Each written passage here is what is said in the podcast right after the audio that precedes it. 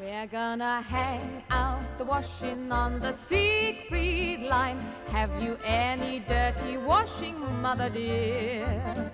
We're gonna hang out the washing on the Siegfried line Cause the washing day is here Whether the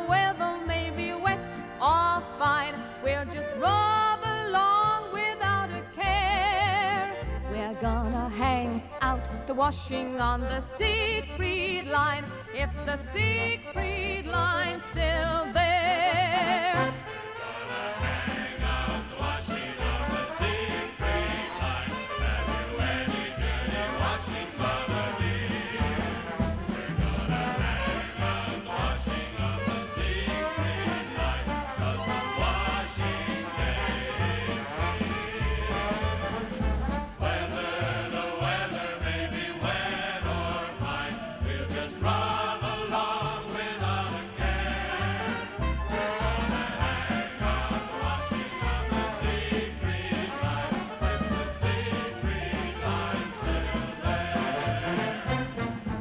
Vesturheimeren gav seg av jolo 1930, ikkje så nek fær om at ein nudjur heimspardeien var byrjavur. Vist høyde Tyskland og Sovjetsamvelde lagt Poland under sem, og Sovjet hei søkte at Finlandet.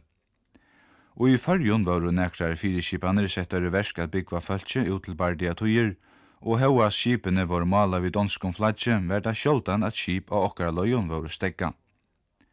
Som hun tøkte skrutje, tan bere etter at Poland var fadle og i Fraklande nevndu tar til hit løgna krutje, og i Onglande hit for Lorna krutje, og tuskarnir tåsa om sittskrig. Og i hese sending fyrir jeg vera grøyt fra hendingun av europeiska meilandnån heste 1933. Sendingen er grunda av fra søgnkja danska søvmannon Henning Poulsen og i bøtjene Hitlers krig. Jeg var narge lekkur til rattus. Kiss me good night, Sergeant Major. Tuck me in my little wooden bed. We all love you, Sergeant Major. When we hear you bawling, show a leg. Don't forget to wake me in the morning And bring me round a nice hot cup of tea. Kiss me goodnight, Sergeant Major. Sergeant Major a mother to me. Kiss me good night, Sergeant Major.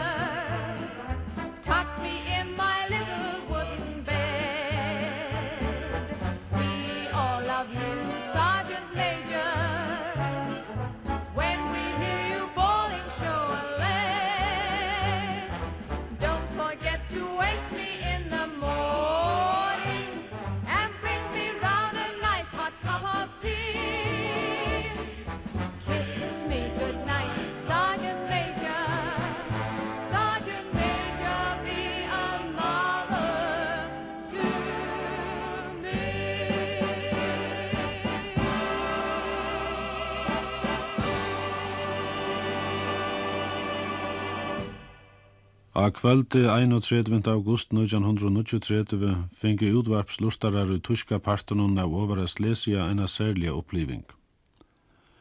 Om åttatugina får en avkjend rødt at lesa et opprop fra laslene fyrir fralse polske jegarnun i Ovara Slesia. Her var hætta folk om i stunden jeg reisa seg i måten nazistiska styrunum. Da fyra minutter var farner var opplesaren bråten av.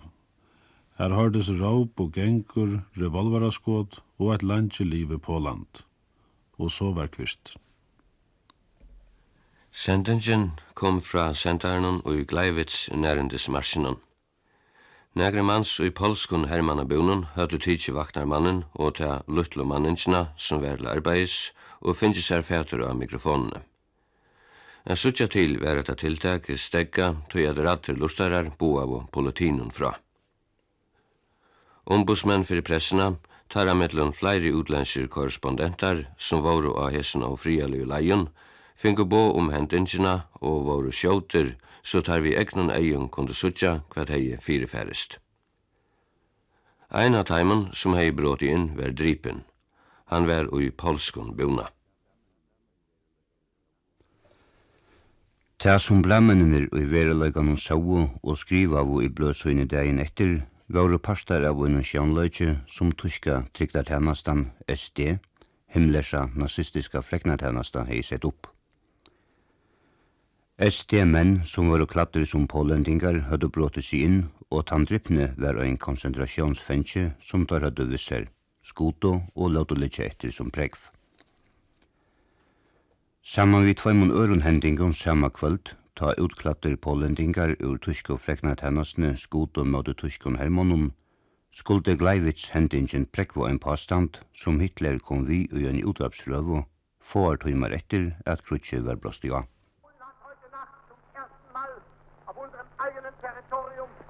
auch mit bereits regulären Soldaten geschossen. Seit 5.45 Uhr wird jetzt zurückgeschossen.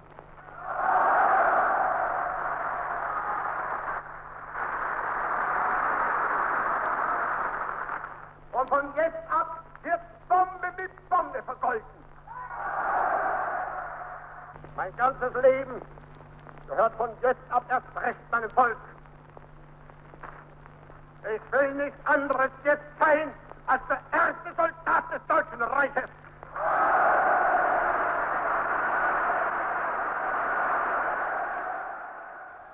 Almenna grundgeving hansara fyrir krøynum vær, at pålendingar sjølver var farnir om markjen, og så leis at det tvinga hann a sida hart mot i hørun. Og i Tysklandi hei pressane langre tøy verja tremer av frasagnun om polskar ætsøkner av tyska minnelotanon i Pålandi, og flere tusen skuldi av alade luiv. Tøy var tyska allmenningren nøgtur ta bøyen i om tyska svære komum, og staurur parter av falsunan truvujonon. Og i vesturlensku høvustøvnun gavu mensar ikkje så øyliga nok færre om etta. Og i mesta leie var ørkimlan og negra tøymar. Ærar orsøkjer gjørtu at det gjengu meir enn tvei samdøver fra tusku innrasnu og i Poland av modne 1. september til tar vantavu og lovavu kruksavbjøvunganar komu ur London og Paris 3. september.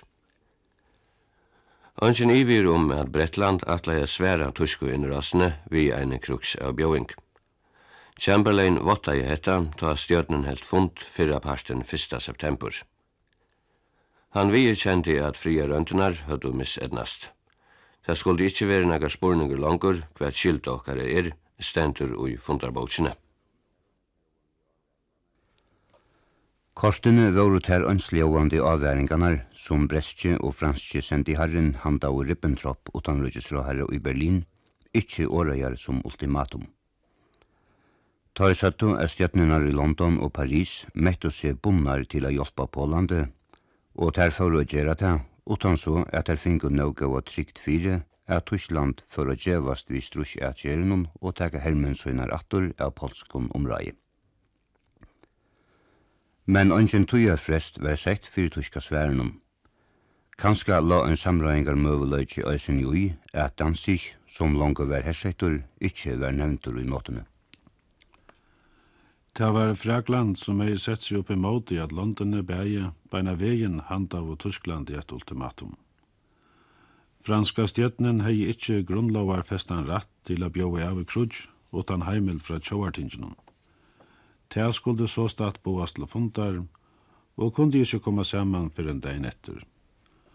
Akkurat bender eisen ja, at hentan formliga grundgjøvingen fyrir jeg fyrir så spekelig til verka, kom franskostjøtnene vel vi. Hetta var ikkje en spurningur om ta defetismo, som så negg var tåse om, ta menn skulle finna en forklaring på tapien 1940. Bæje politikarar og menn innan herren var bjartskiktare om hernaverlig og støvna enn der høyde vere fire München-semjena i 1938. Og i Fraglande mette der motstøve megina tja polska herrenon monande sterkare enn bredar mettjana. Fraglendingar hildu at polske herren kunde standa seg mot tuskjenon og i minst et halvt år, og Edvard Daladier je tåsa i langt i august om hvordan krutje kunde letja såleisle rattes, at der i fyrst i atløve ønske gjørte av Vesterhermåten med ja Italia. Og i Frakland i hilde menn eisne at Tyskland innanhuses var ikkje så størst, og Hitler helt at Frakland var lest til kongen. Hitler er livet tan dagen krutje brester av, sier franske oversten gammelengeneralur 6. august. Og i stedet for å verja tyskum om marskene, vil tyske herren nøyder å marsjere mot Berlin, er at berja nyer tann ofri som herbrester av. Her linje av Sigfrid Mautonen færa besta kunna gjera luttla motstøven, Vid færa skjera i tjøknen Tyskland som en knuiver tjøknen smør, sier han. Metingarna var ikkje så ovarnar, ta Krutje var blivet verileitje 1. september. Øremegin vissa i franska stjørnen Påland om at hun stod i det, hun er i lova, men hinvegin vildi hun ikkje leta tan seinaste møveleikan fyrir a sleppa undan krunnen vera årendan. Fransmenn sette sunna våner til eit italst utspel som var gjørst ein fire. Itals utanregisraren Siano Greive hei skåri opp at halta ein nudjan fyravelda fund, her tar skuldu røyna stilla marsje mellom Tyskland og Poland. Og i fyrste syftu hei Daladier havne hesi atlan, men ta henne finnsi bøyene om tyska avlåpem, avgjørte han korsten i at røyne hesa lei, men kravte at Poland var vi av funtenon. 2. september, ta heimelden fra Tjauvartinsen var finnsen, var hessen seinaste samræðingar møvleitjen, onnur grundkjevinsjen, fyrir ikkje at teka stie, som ikkje kunde gerast omatur. Hin var av hernavarligun slæ. Tilbyggvingen var byrja, og stundur måttu til a flyta folkse bostur av marknaleinen og få at hei seinast og herrelini oppa ploss ui Maginot-linjene. Chamberlain var, sett detta ver motmalt i bretsko stjøtnene, synnavur a fylgja sunnum franska samvunda. Formlega vildi han heldur ikkje hauna tui italsko semingslandene. Nådvegis allmenninginum kunde det vera ringt a standa som tann som er sutt fyrir samråast. Men om kvöldi 2. september fekk han korstene si anno a genga fra uppskotnum tui han kraute at Tyskland fyrst skulde teka herlisøyne ur Pålandet. Samståndes gjør menn i brettskustjøtnen i opprøyster. Nekri råherrar kom og saman av fund og krautu i fela at Brettland utan dvøl, vi eller utan Frakland skuldu leta Tyslandi eit stuttfrøysta ultimatum og sujane bjau av. Alt anna, søttu der, for å teka truvire fra Brettlandi mittlen folk og hansens land. Chamberlain bakte seg fyrir som truste og boa i Paris fra at eit brekst ultimatum for å være hanta i Berlin morgenen etter. Daladier jotta i ta at hanta eit frankst ultimatum nekrar tøymar søttne. Klokka 9 av måttene den 3. september var breska ultimatum i handa, og ta Tyskland ikkje sverige var krutje veruleitje klokka 11. Ein tøyma sættene handa i Fragland sutt ultimatum, og ta var heller ikkje svera, ta fresten var ute klokkan 16, så statt var heimskrutje byrja. Gitt hefur veri at Bretland og Frækland við sunni hese hesubæði sandaugrunni kanska leita og etter onkrum mata til að sleppa bortur úr sunnum skildun motvis landet. Ongjun vattan fast fyrir hesun i kjeldunum, som kortene vísa greitt hva så torrførst det er at taka endalige støve til krutsk. Det kan heldur ikkje vísast attur at franska røyndin er få Bretland að bjóa av fyrst, eigi samband við franskan iva om hvað Chamberlain atlai. I am speaking to you from the cabinet room at 10 Downing Street. This morning, the British ambassador in Berlin handed the German government a final note stating that unless we heard from them by 11 o'clock, that they were prepared at once to withdraw their troops from Poland a state of war would exist between us. I have to tell you now that no such undertaking has been received and that consequently this country is at war with Germany. Han ser ut som en samankroppnaver, steinrunnen og gammal maver, sier en spikar i BBC, ta forsædes raharen og i utvarpenon, hei boa falskjennom fra krøynon. Hetta var eisen i endalige nyerleie tja hansara politikje. Sanchingen av kruks av bjøvinsene hei eisne grunter som ikkje kundu almanna kungerast. Herna var lia mett hei det ikkje storvis tutning om kruks av bjøvingarnar kom og fyrsta, tria eller trettanda i mananen, tog kvarskje Frekland eller Brettland så ser storvis møvelaikar fyrir at veita pålande monadikan stål. 17. 3. september kom en bresk hersendinent vi Colin Gobbins av 8 til Varsjava. Hon var færen ur Ongland i Arlen Krutjebrasta, og til tess ikkje vetja sovandi hund, hei hun ferast en lengan omve om Alexandria og Egyptalandet, Beirut og Grikaland, og var et enda færen tjøkken Rumenia som sendinent i Lampunavarmalen. Og i Varsjava var sendenevnden størlige fakna som et preg om at Brettland for at halda sitt år og hjelpa Pålandet. Hetta var punnligt, tog bretsko ombudsmennene visst og betur. Brettland sa ongan møvelega at fyrirbyrja at Poland var nyrbarst. Landi hei onge våpen finnje. Og et ønstakt skip vi nøkron nutoja flåføren kom om halvan september til rumensko havnena Konstanza, men slapp ikkje lossa. Fyrirbils kunde brestje herren ikke gjøre, og flåten kunde best gjøre nekka om man ville færa tjøknon danske sundene inn i Estrasalt, og det ville han ikke. Etter var så Royal Air Force bretska flåvåpne. Og i hjelparsattmalanen som just var underskriva vår stå, er at Ångland skulle jo i stundene senda våpna med i søgne inn om Tyskland leia Poland.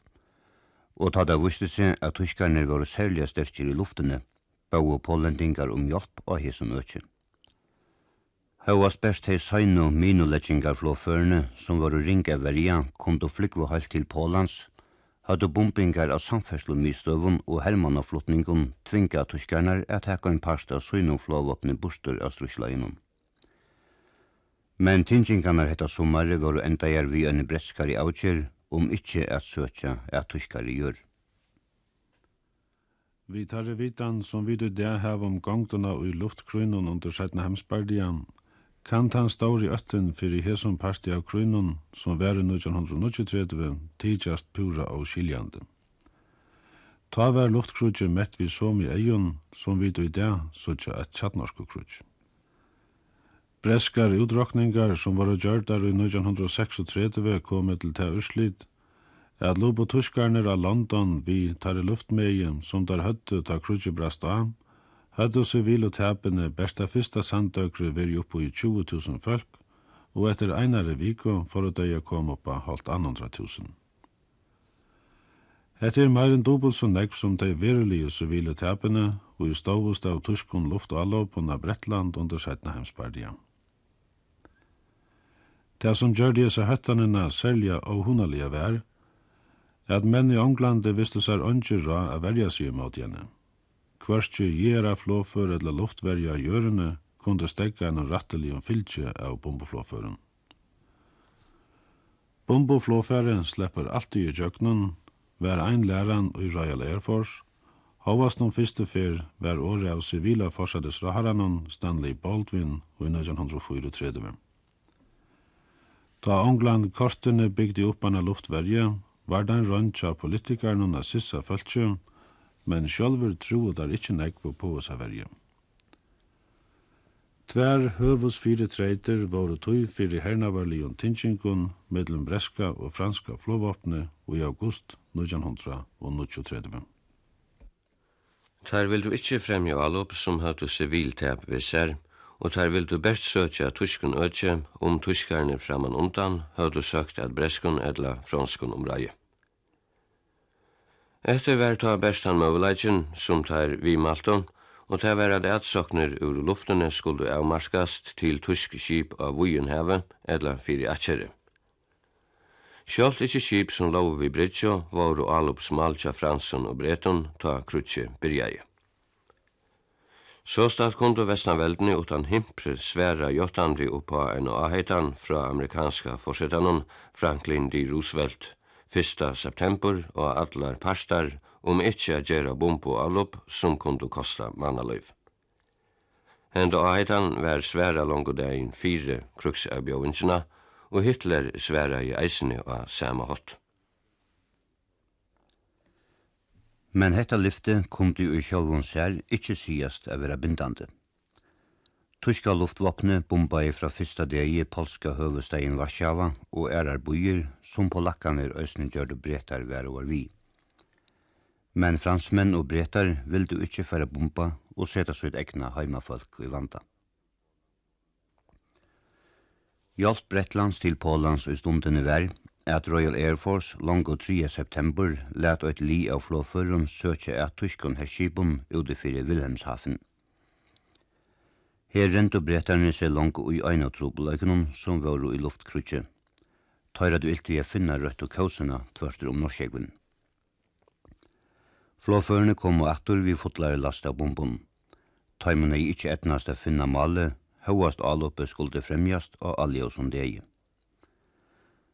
Sødna parsten dagen etter røynda der attur. Nula betre fire. Tar funnet skipene og rakt og teik hanska øsene, men de fink ikkje stauran skeia.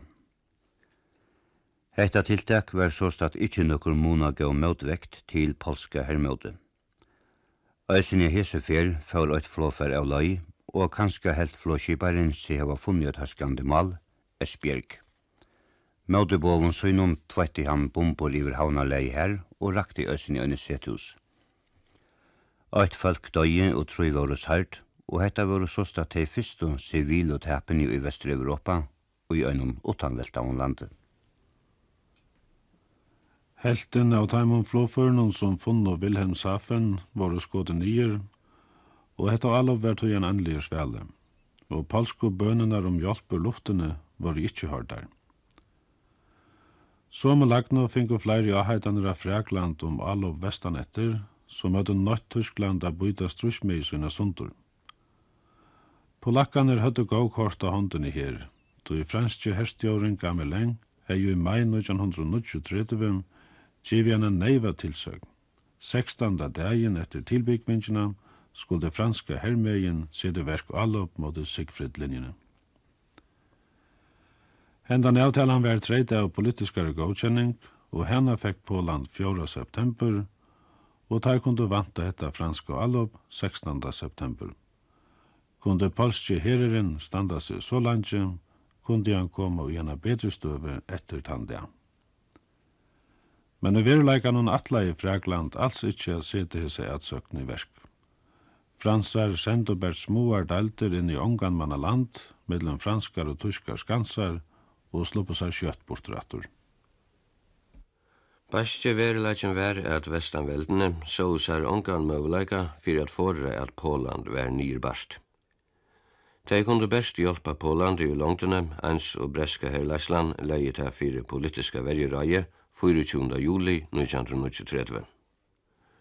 Vi vilja leggja dent og at lagna Polans velst om endalige usliti av krynun og at dette atter velst om okkara evner at vinna Tysklandi og ikkje om okkara møveleikan at latta trusti av Poland og i fyrste omfære. Det må være henta meting som styrir okkara framfyr. Hetta var en herskjen politisk virkjenning og råharen atreis i eisne at godkjenna henne. Og i september var hun godkjent, vi rinkare samvisko. Hon hei vissar eit lyftesbrott.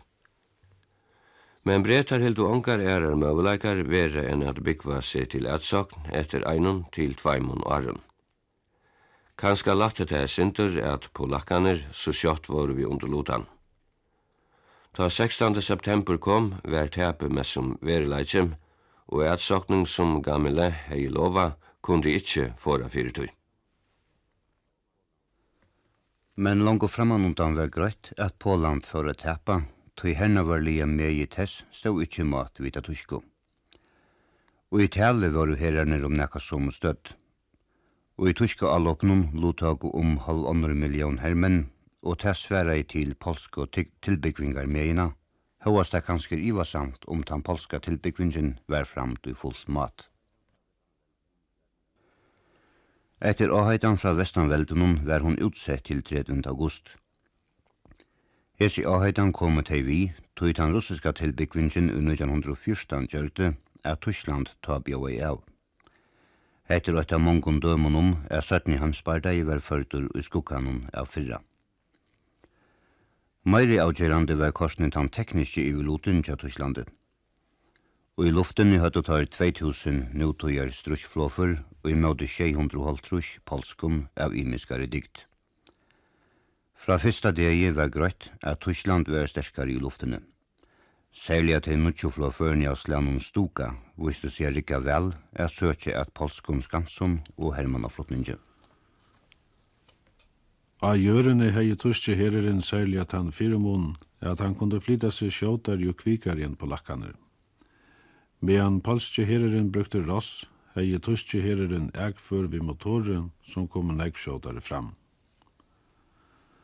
Er enda var tuske herren eisne betre fire vi strusvognen, som bretar høtti oppfunnet under fyrre heimspardia, og tuskarnir tidsi tilsyn, og han brukte etter og brunalia oppskådenon og i flokken, som var føre fyrja brauti tjøkken hermåte, og skilja herdeildinar fra hverje ærare.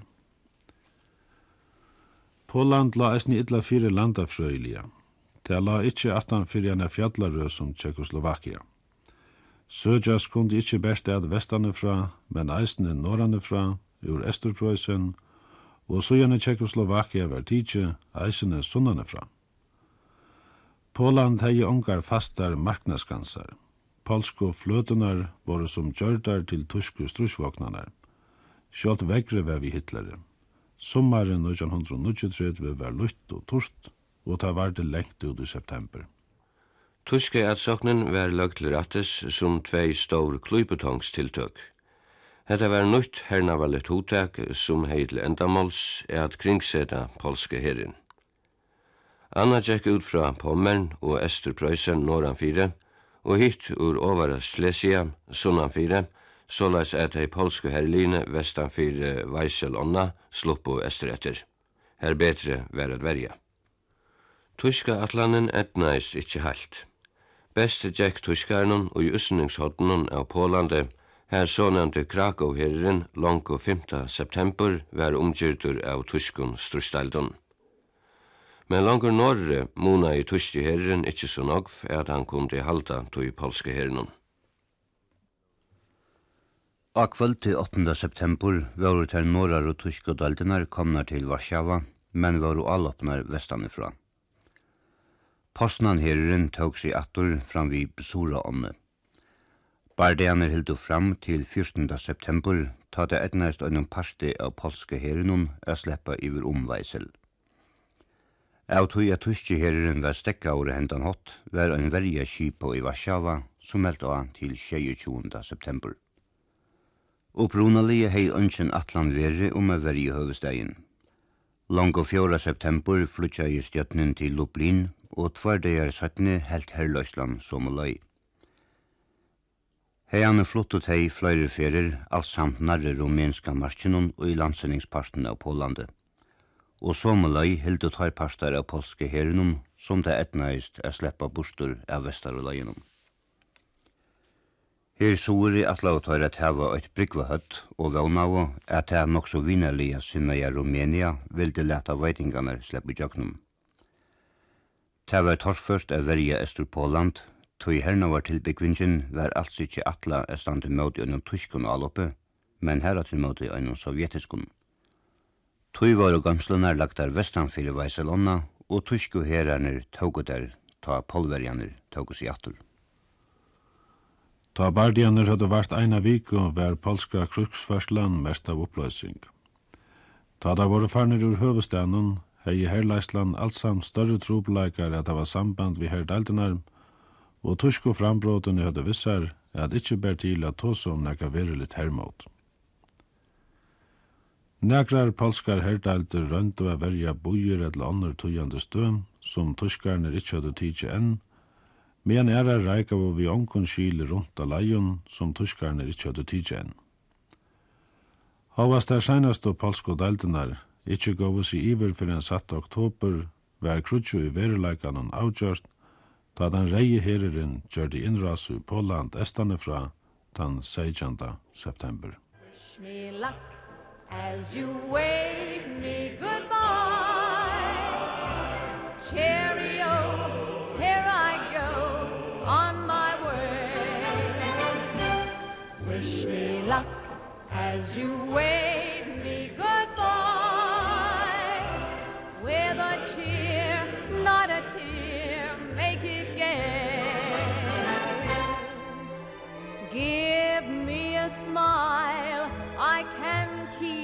all the while in my heart while I'm away. Till we meet once again you and I. Wish me love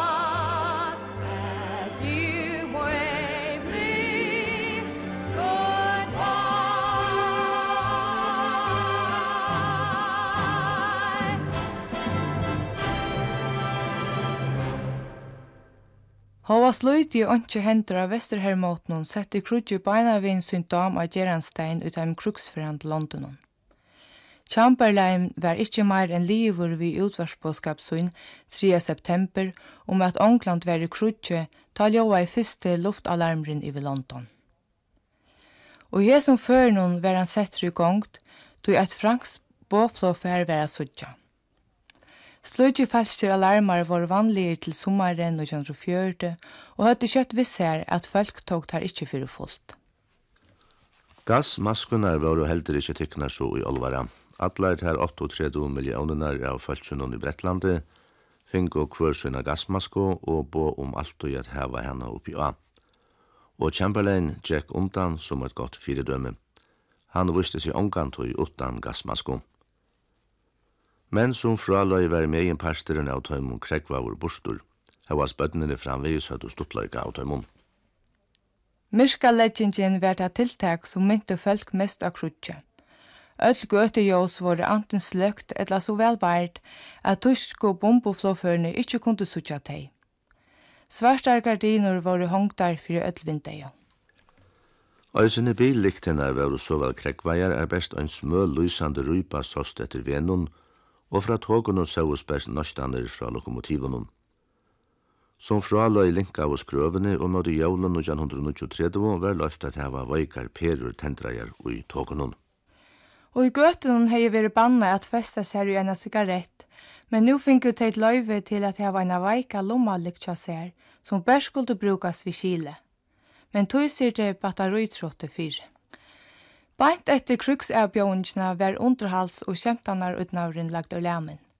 Bågjeng ut om at biohøtler, dansehøtler og sjånlakarhus skulle støntja.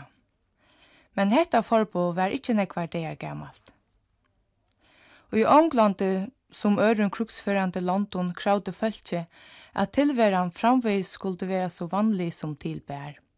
Kjøtt var horanar latnar oppatter, og og fyrir den populæra tónleikin gjørdis kruksørne eit gilt tøyarskei. Hittene fra hese tøyene sier fra pørsten av tilværende som eisne, eller kanskje mest vi kom følge, og som kvørstju kunna lesast i bløvnun eller kruksøvene.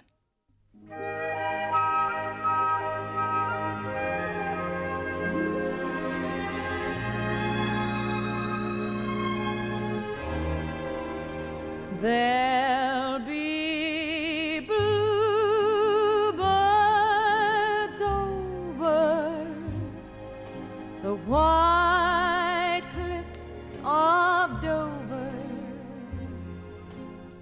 tomorrow.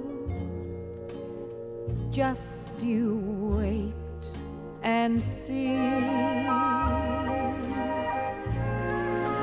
There'll be love and laughter And peace ever after.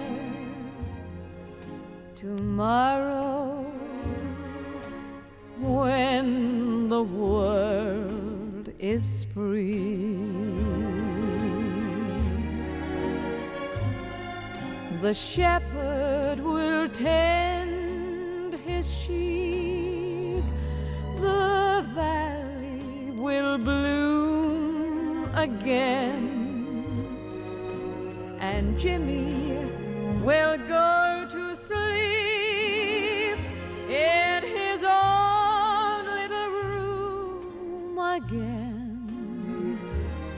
There'll be bluebirds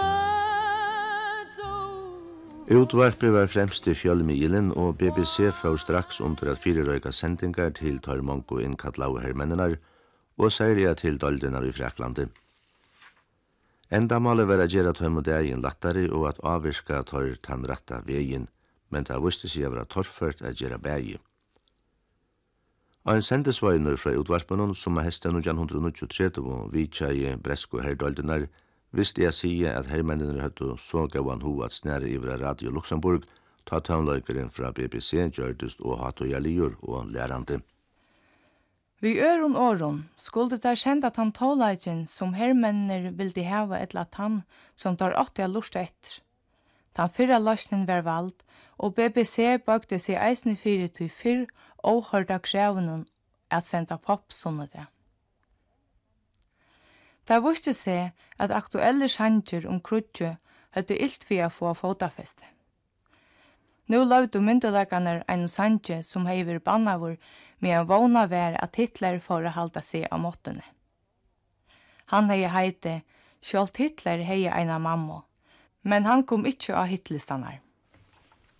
Heldur ikkje etnaist a få a fjóta festi fyrir en rönd a Chamberlain til saunengar midepel fyrir tjauna vi sanjunun Mr. Umbrella.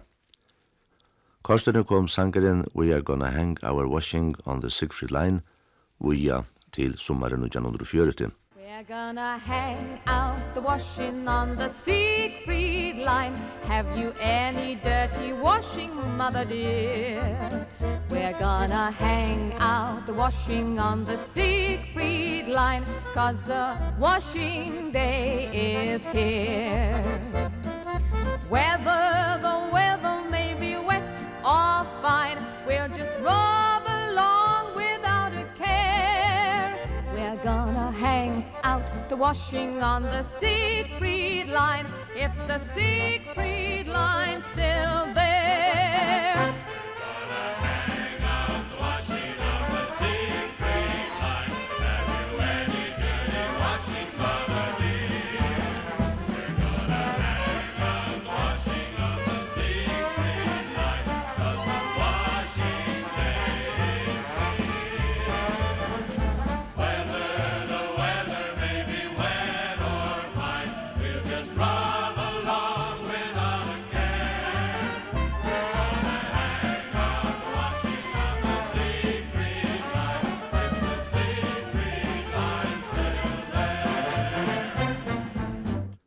Sanchener som fingu bestu undertøkene snur seg om Karløyga. Såleis hever veri allar deir, og såleis var øysen i undersøytene heimsbardea. Ta er sentimental og sanjener vi danseløvun, og hjertan og nast, bægi av hermøtunum og atan fyri hermøtu. Fyrsta stora landaplavan av hesons lea var Wish Me Luck As You Wave Me Goodbye. Hon kom at uimenda frafyr hermanna fra konu og genton, Hóa sangrun opprunalega ondkje hei vi krutje et gjerra. Han er ur einu filme som fyrstu fyrir var vuster i august 1933.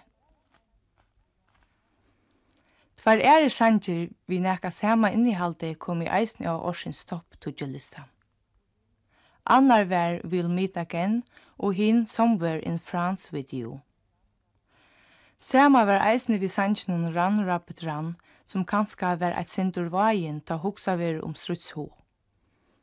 Men han fekk annan aktualitet i januar 1904 ta kjøte virskamta.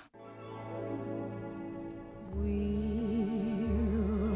meet again Don't know where Don't know when But I know we'll meet again Some sunny day Keep smiling through Just like you always do Till the blue skies drive the dark clouds far.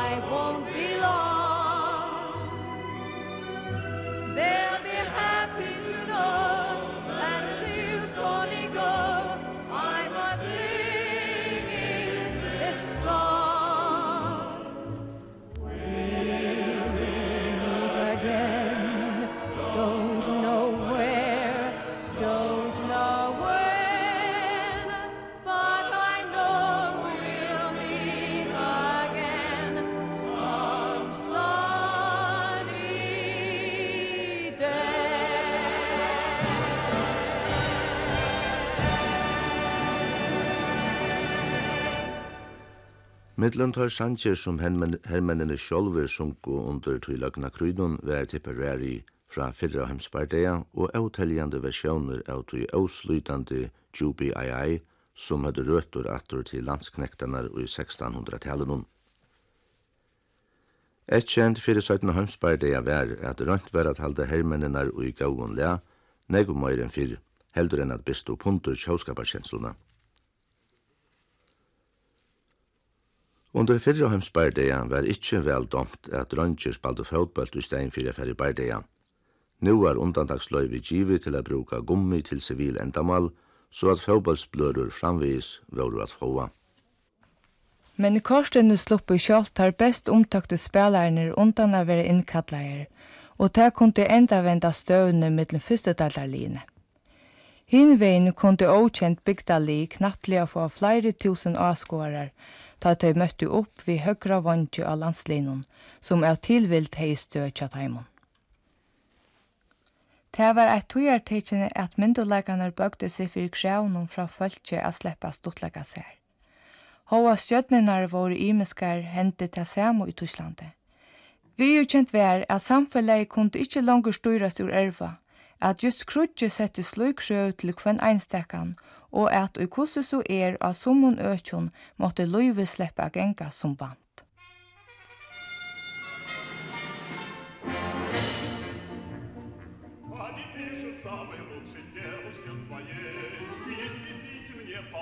Сообщи скорей, если есть успех ошибки, верни хитро. Здесь чернила очень липкие, очень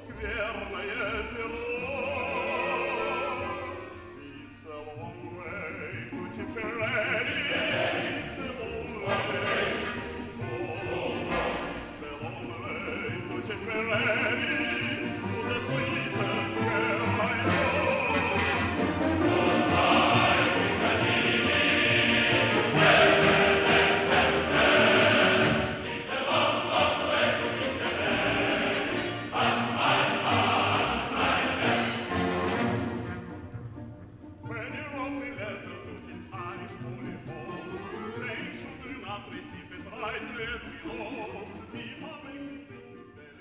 Hovast vi ikkje kjenne innan huses og i Kreml er makt som bender om at sovjetiska stjødnen hei ampa av hver det standas kundi av ikkje alopsottmalanun vi Tyskland.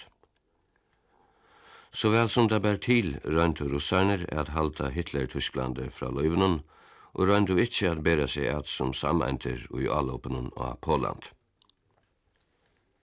Og einan tøyenda funde 26. august sier verjumalar og herrinin voru Shilov eisne at sottmalen foregi ikkje fire at Sovjetsamvelde kunde leta til ravører og utgjer.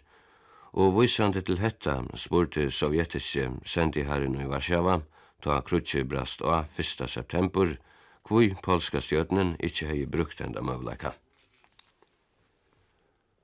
Fåar det er sætne bakka i utanrøytis raherren Molotov og seie at nu vestanveldene hadde lagt opp i Krutsi var stoan ein onnur.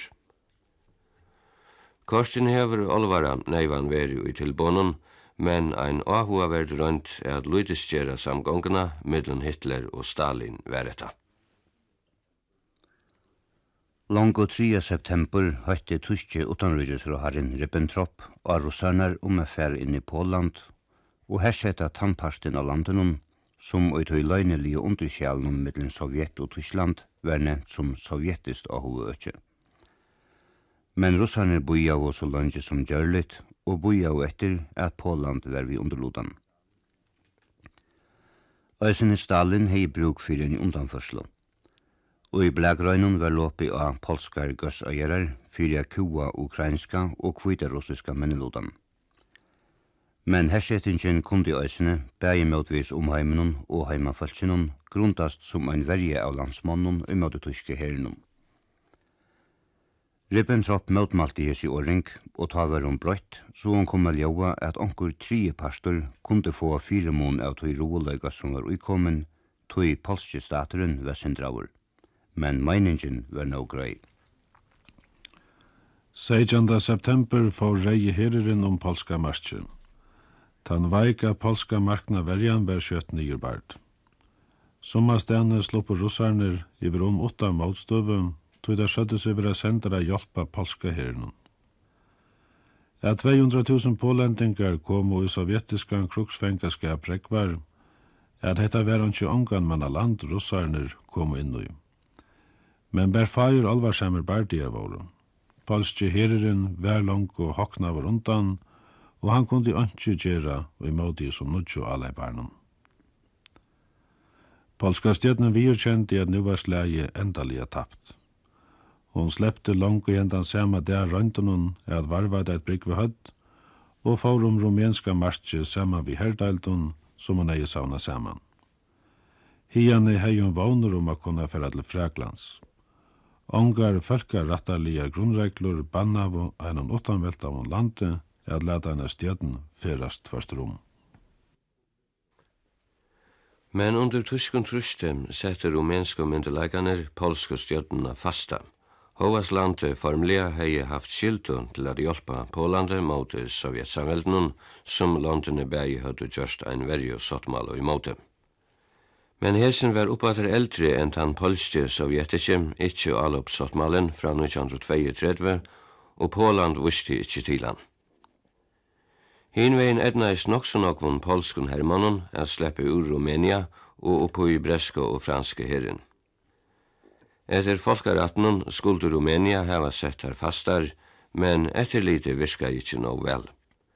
Tan fyrnevnta breska hernavarer sendenevden var okvilja bilsin ta hon oppdeie at hon ur levende kunde køyra til Nasto Janbredastø og teka tåtje heim. 13. september tog ein utleien stjøtn under Sikorski generale stjøtnarvalti i Polande.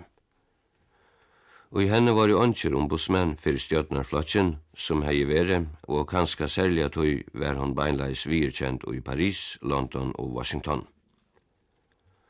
Komandi årene savna i hon nok var pålendingar til samandar herdelder og loftalder men eh, annars var han hernavalila i gloderen tja Polandi av fyrir fyrst. Vestanveldene hadde det ikkje godt, ta sovjetsanveldi æsne gjør innras i Poland. Ein spurningur var om tei ikkje nu æsne skulle bjøa sovjetsamvelden av. Formlia hei Bretland ikkje skildu til tess. Sottmålet tess vi Poland galt bæra tugst alop. Men i ærar matar var hett en torfur spurningur Tui Øremegin var endamalið við krøynun af fria Poland, og hinemegin var landet bestu krutje vi Anna og Londonum, som megi hersett Poland. Bretska stjøtnen omhugsa i ikkje av alvara er bjóa sovjetsanveldun av, men politist var spurningrin røstur hverja støv og bretar skuldu teka til sovjetsanveldi.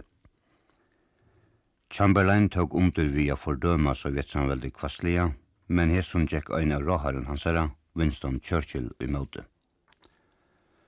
Churchill, som fyrir hei veri framarleia og i fløyri stjøtnum, hei jo aren i undan steg og åtta fyrir konservative anstøvne i møte Chamberlain.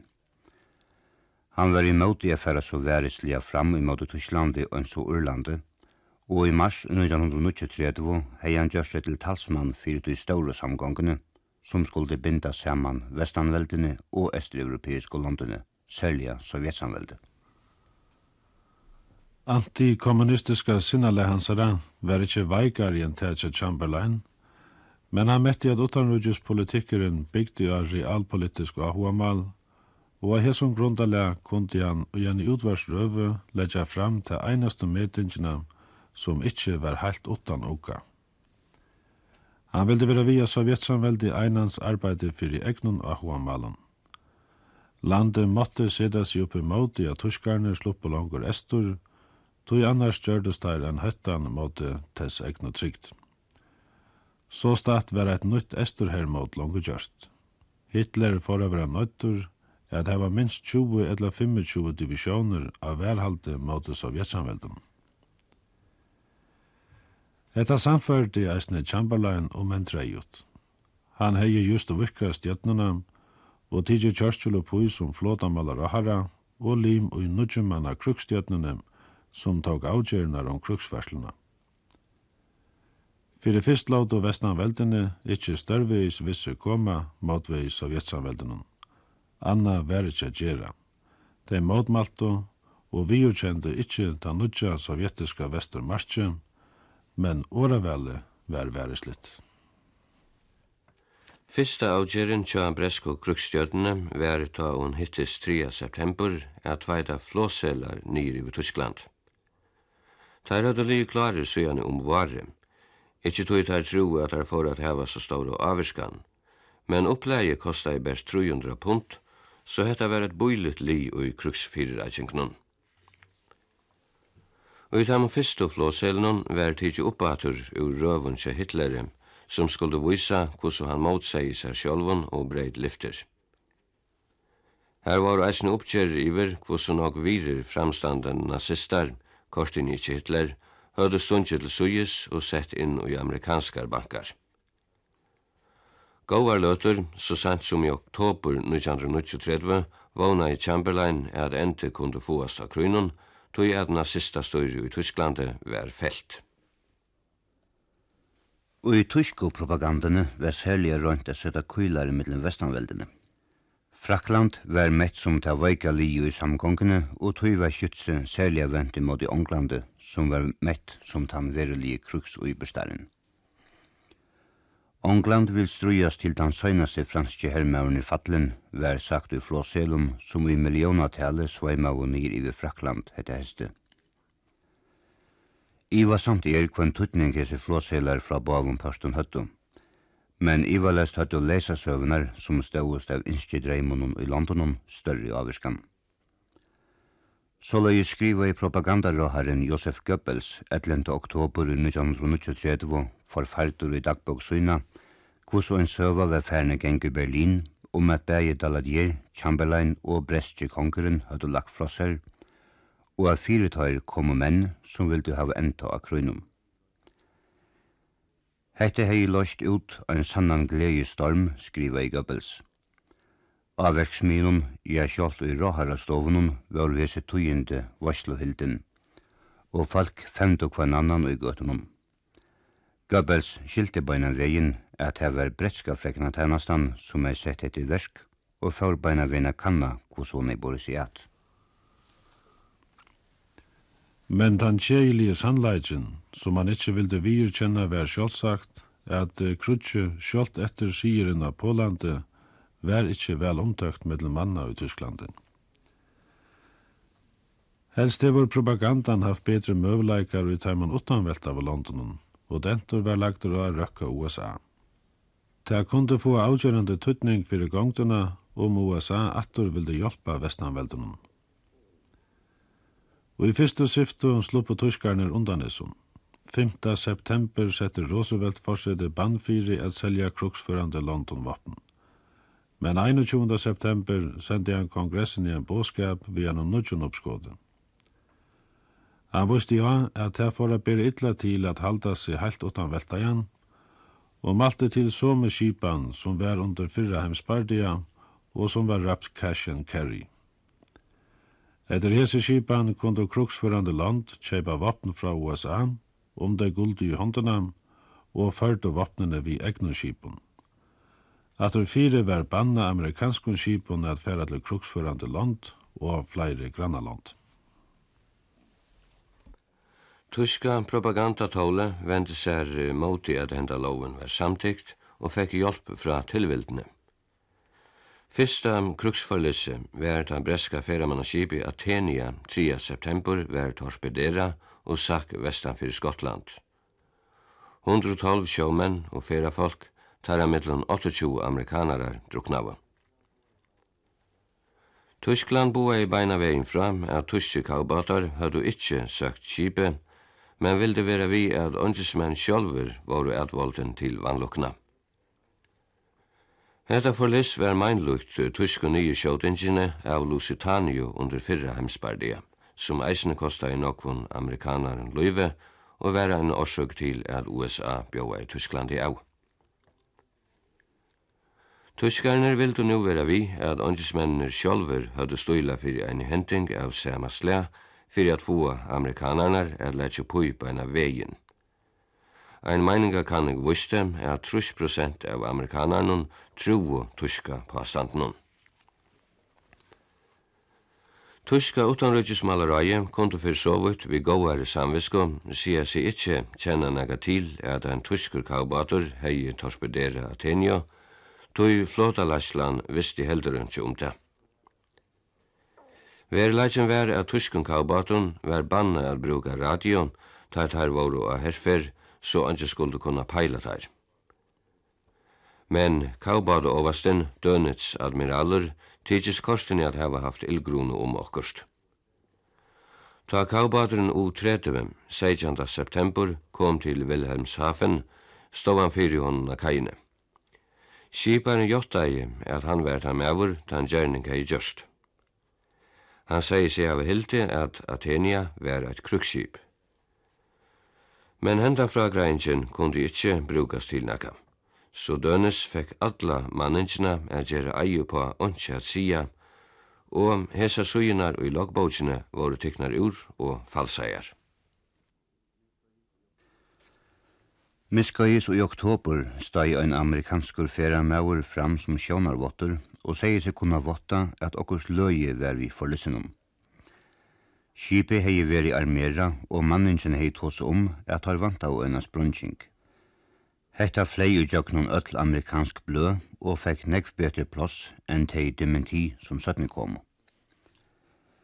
Men oppskottet kja Roosevelt var samtikt vi staurum marilod i kongressene 4. november 1923. Høvus sjónar mye at han fyrir samtikna vær at høvast USA skuldi halda seg lest av europeiska krynum så hei landet løyve til a røtja handelsåamal malsynne. Kreppan i truja til Arnon mestist framvegis. Tjóar framløysland var ikkje komin oppa sama støye som i 1922 så tar boskaparlige møvelegganer i krynon måtte brukast. Og i fyrsta omfærre selt i USA best avmarskajar mongter til teipa i vestanveldene, tog i taimon vanta i kjaldøyra men politiskt var hetta eit sti av løyene til betre skipanir fyrir vestanveldene. Fyrir USA var hetta eit sti bostur ur avbrytingsene. Atan fyrir hermåte brøtte krutsi allan gerande stea. Bo våre givin og myrkalegging og vore våre skamtajar. Og i Tysklandi var pressan langt etter lite, men nu sette Frakland eisen i gilde sensur fyrir allar hernavarlige opplýsingar og presseloven i Bretlandet var herd. I Fraglandet var kommunistaflokkeren bannavur og flere leiande menn her setter faster. Negu tiltøk var sett i verk til tessa verja mot luftalåpen som folk rett og særlig etla. Ur London og Ørum Breskon og Størbojen var meir enn 1,2 millioner bøtten og mammor flott bortur etter 20 døvun, og sjuklingar våre flottur av sjukrehusen av leion som kunde høttast vid bumbun, så sjukrehusene var til reier at teka mot og mersla. Hver einaste brete fekk han av gassmaske a verja seg vi, om turskarner tog upp så med mannagang som under fyrra krunnen. Breska virksemi var en ansøkning til frien av Vesterhermodnen som rådde tar fyrst og åtta mananar. Fransmenn ropte til hitt løgna krutje, øngesmenn hitt forlorna krutje, og tyskarnir sidskrig. Franskar herdaldir fóru i september negrar kilometrar inn i ångamanna land vi Saarbrücken, men røyndu ikkje at færu om Sigfrid-linjina og låte seg utan storvis motstøva reka atter. Bretaner som var komner iver om vi bært fyra divisjonen lærte seg sannsjen, Vi hanga vasketøy okkar av Sigfrid-linjina, men tøy rondi tøy ikkje. Tøyendni av hesson 400 km lange hermotnun, hesti 1933, sødde fra einstøkken skåtbardøvun, men sødde eisne fra er at bøndene kunne arbeide som vant bave megin vi. Heraner høyder egene vi kvar øren, men løstu ikkje ånei og skåt av. Tåsa hefur veri um um ikkje vestanveldinu sløsa av ein eina standande møvulega bostur, mea meginparterin av tyske herinun hei uregjer i Pålande.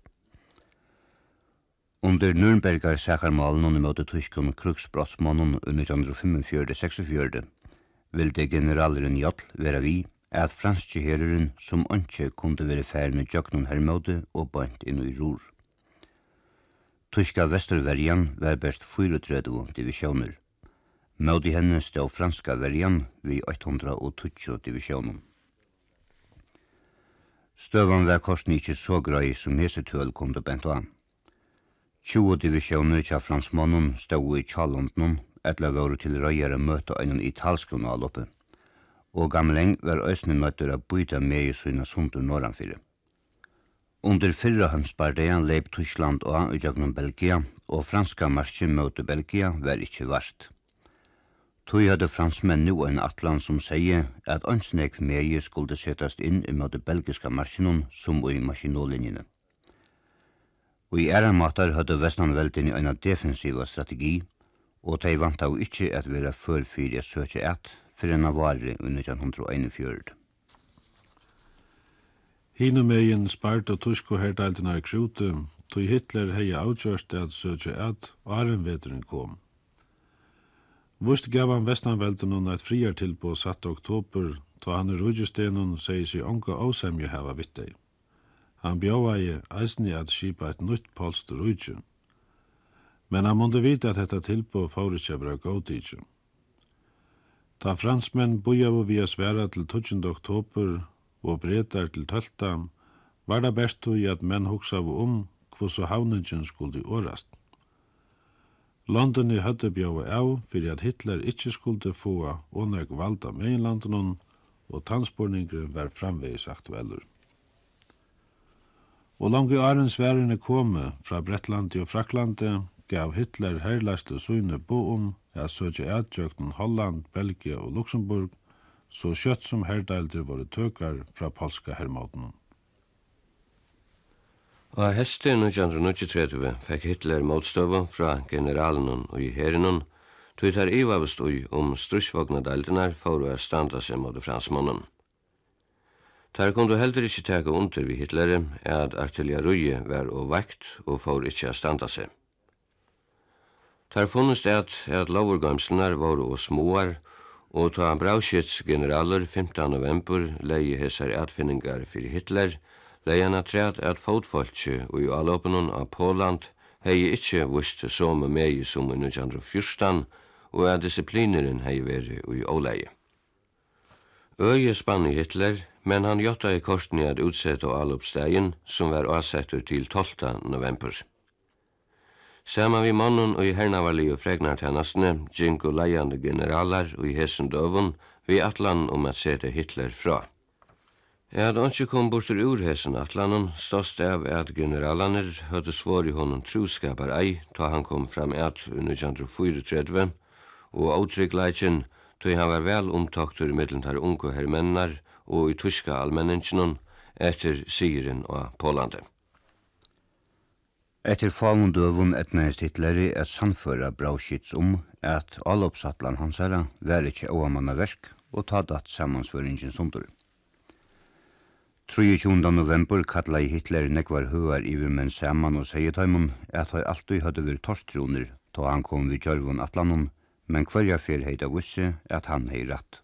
Sie werden uns weder militärisch noch wirtschaftlich auch nur im geringsten niederzwingen können. Es kann hier überhaupt nur einer siegen und das sind wir. Ja! 8. november var ein missetna droppsrønd i møte Hitler og i burgerbrøykeller i München, her han skulle halda røvo og årstenen fyrir missetna kvette søgnen i 1923. Det var ein ønstakur mevor som hei jes atlan og hei ønske samband vi anstøvna i herinum. Ta Hitler korstene utsett i alloppe vesturetter som hei finnje høyde fallgelp, størst til kvarski av anstøvene etla prøvgrunden hennara, men av vekrenum. Hitler var samfører om at Vestanvelden høyde ratt ta det søttu at tøyen var i tarra parste. Nudger allopstegar var nevnter, men tar måtte sleppast, og i fyrsta leie årsak av regni om Jørsko i november, som får av å fyrir framtøkene av land og luftene, og i ørenleie årsak av de herra vedrunum. Tilsammans var det 28 dier avsetter til Vestor Allåpe, Åren til om suger var sett i verk 12. mai 1940. Ta var i ødel eie vend annan ved. Annar parter av byrja byrjaði, ta Norrland var i herset og i april 1940. Tyske tropper har i nat overskrevet den danske grænse og har gjort landgang forskellige steder. Den danske regering har under protest besluttet at ordne landets forhold under hensyn til den besættelse, som har fundet sted – og i henhold dertil kundgøres følgende. De tyske tropper, der nu befinder sig her i landet, træder i forbindelse med den danske værnemagt, og det er befolkningens pligt at afholde sig fra enhver modstand over for disse tropper. Hatta var sendingen hitt Løgna Krutje, som jeg kan arkele i til rettis. Vi har du Øsne Sonna Smith, Odna Johansen, Ingun Larsen og Uivar Iversen. Sone Selfoss stod for i opptøkene, Tilfære var ur bøk etter danska søvmannen Henning Poulsen.